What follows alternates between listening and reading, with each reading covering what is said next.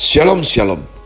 Selamat hari Senin 18 April 2022 Kembali jumpa bersama saya Pendeta Kaleb Hofer Bintoro dalam anugerahnya. Penuh sukacita Sampaikan pesan Tuhan melalui Grace Word. Yakni suatu program renungan harian yang disusun dengan disiplin. Kami doakan dengan setia, supaya makin dalam kita beroleh pengertian mengenai iman, pengharapan, dan kasih yang terkandung dalam Kristus Yesus. Sungguh kerinduan saya bagi saudara sekalian, agar supaya kasih dan kuasa firman Tuhan setiap hari tidak pernah berhenti menjamah hati, menggarap pola pikir, dan paling utama hidup kita boleh sungguh terbukti berubah menuju Christ likeness. Masih dalam season summer dengan tema bulan ini Delighting in Kingsword. Chris Word hari ini saya berikan judul Pengakuan Iman Rasuli bagian ke-143. Mari umat Tuhan kita sekali lagi, lagi dan lagi membaca puji Tuhan sudah ada yang hafal warisan iman Kristen daripada para rasul Kristus secara langsung yakni pengakuan iman rasuli simbolum apostolorum Aku percaya kepada Allah, Bapa yang Maha Kuasa, Khalik langit dan bumi, dan kepada Yesus Kristus anaknya yang tunggal Tuhan kita. Yang dikandung dari roh kudus, lahir dari anak darah Maria, yang menderita sengsara di bawah pemerintahan Pontius Pilatus, disalibkan mati dan dikuburkan, turun dalam kerajaan maut. Pada hari yang ketiga bangkit pula dari antara orang mati, naik ke surga, duduk di sebelah kanan Allah, Bapa yang Maha Kuasa. Dan dari sana ia akan datang untuk menghakimi orang yang hidup dan yang mati. Aku percaya kepada roh kudus, gereja yang kudus dan am, persekutuan orang kudus, pengampunan dosa, kebangkitan orang mati, dan hidup yang kekal. Amen. Hari jadi gereja. Kemarin kita sudah bahas mengenai gereja yang kudus dan am. Ma Tuhan ya. Pentakosta adalah hari jadi gereja. Hari di mana Roh Kudus turun. Pentakosta terjadi pertama-pertama kali, ya, tapi turunnya Roh Kudus saya percaya berulang-ulang kali engkau bisa penuh roh kudus, engkau bisa mendukakan roh kudus, oleh karenanya persekutuan dengan roh kudus ginosko ini harus setiap saat umat Tuhan.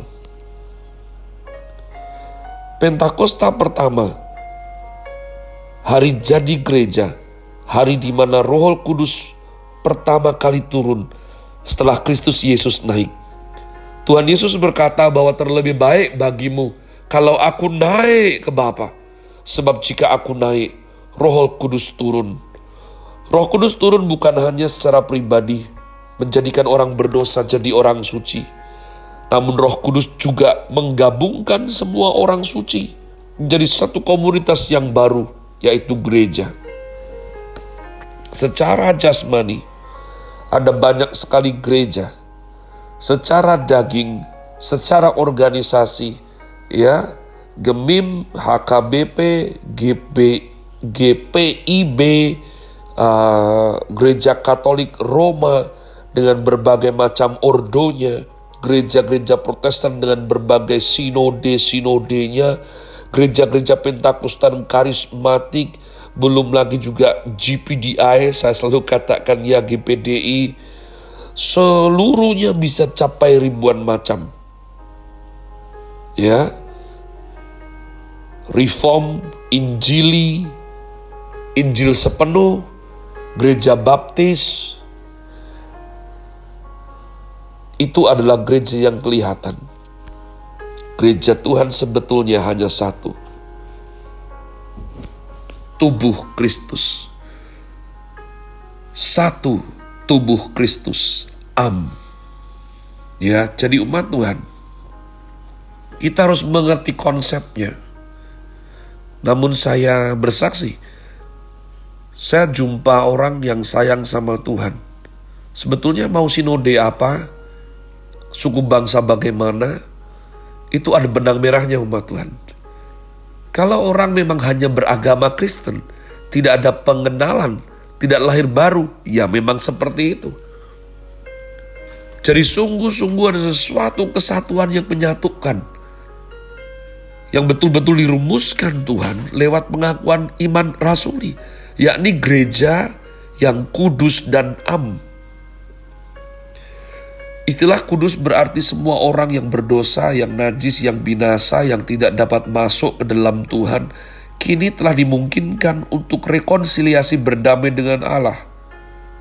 Dan hal tersebut berarti semua orang, semua, baik berkulit putih, kuning, atau apa saja, semua bangsa, semua suku, negara, kaum bahasa telah dipersatukan.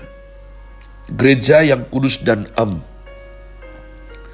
Berarti kita tidak dapat melihat orang Batak lebih tinggi dari orang Toraja. Atau orang Chinese lebih baik dari orang Afrika. Orang Barat lebih penting dari orang Asia. Tidak umat Tuhan.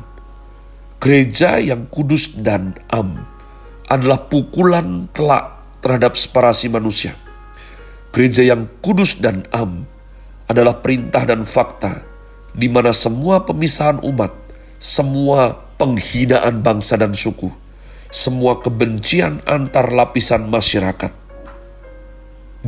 dikuburkan oleh Tuhan Yesus dan tidak ada lagi. Barang siapa percaya Kristus yang lalu biarlah berlalu, yang baru sudah datang. Oleh karenanya umat Tuhan, betul-betul dengan latar belakang bagaimanapun, seperti apa pun.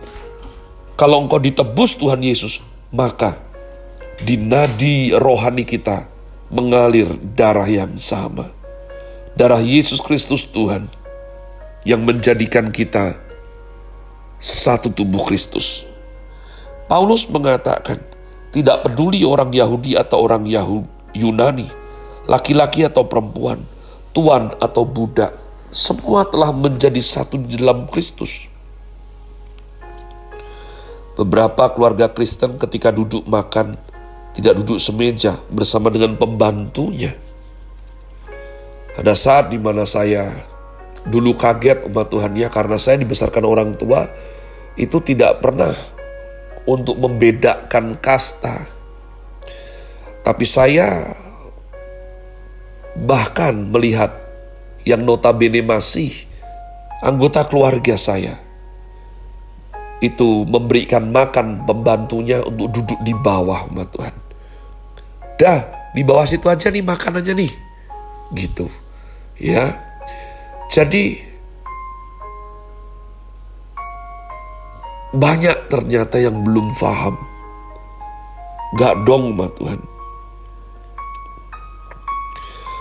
Banyak yang belum mengerti gereja yang kudus dan am. Banyak sekali sudah Kristen, tapi perlakuan-perlakuan dan justru saya dinasehati berbagai macam.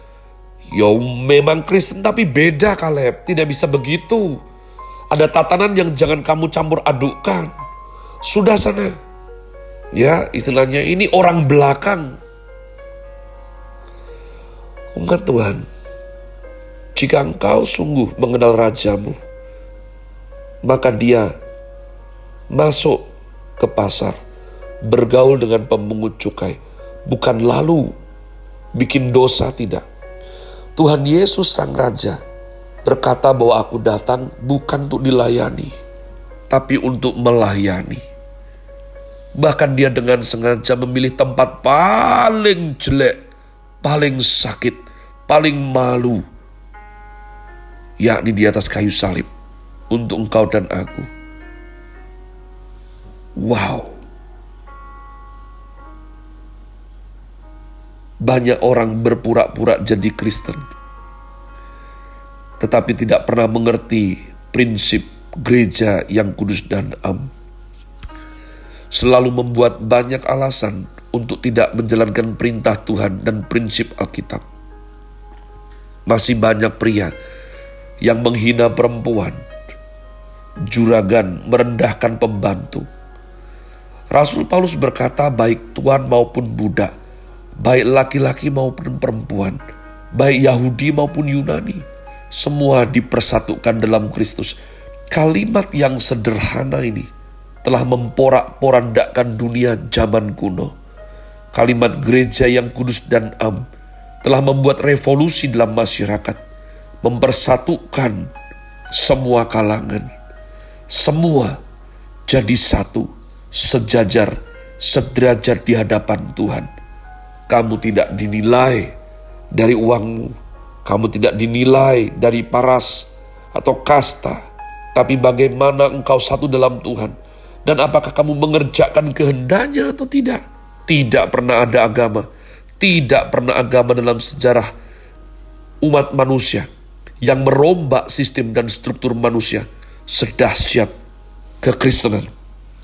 Tidak pernah ada orang yang mempunyai pengertian seuniversal sebagaimana Roh Kudus berikan terhadap Rasul Paulus. Tuhan Yesus memberikan amanat agung, pergilah, jadikanlah segala bangsa muridku. Perintah ini begitu jelas, tetapi suatu kali Petrus enggan menjalankannya. Yohanes juga. Ketika Petrus disuruh pergi ke rumah Cornelius, ia enggan pergi. Ia tidak mau pergi ke rumah orang yang dianggap kafir. Tapi, bukankah ia rasul? Bahkan sudah dengar tentang amanat agung Tuhan Yesus di mana Tuhan meminta dia untuk pergi ke segala bangsa dan menjadikan mereka murid Tuhan. Cornelius tinggal di Kaisarea, tidak tinggal terlalu jauh dari rumah Petrus. Mengapa Petrus enggan? Tuhan sudah mengirim orang dari bangsa lain datang dekat rumahmu, tapi engkau enggan untuk berbagi Injil kerajaan Allah dengannya. Tuhan melihat murid-muridnya enggan untuk menjalankan kehendaknya. Maka setelah Tuhan Yesus naik ke sorga, ia harus sekali lagi bekerja untuk memanggil Paulus menjadi rasul bagi banyak orang kafir. Karena murid-muridnya pun belum mengerti firmannya dengan sungguh. Nama Tuhan, ini adalah lintasan yang Tuhan begitu hebat. Rapikan, pulihkan, gereja yang kudus dan am. Dalam Yesus Kristus Tuhan, sungguh-sungguh kita bersaudara. Have a nice day. Tuhan Yesus memberkati saudara sekalian. Sola. Grazie.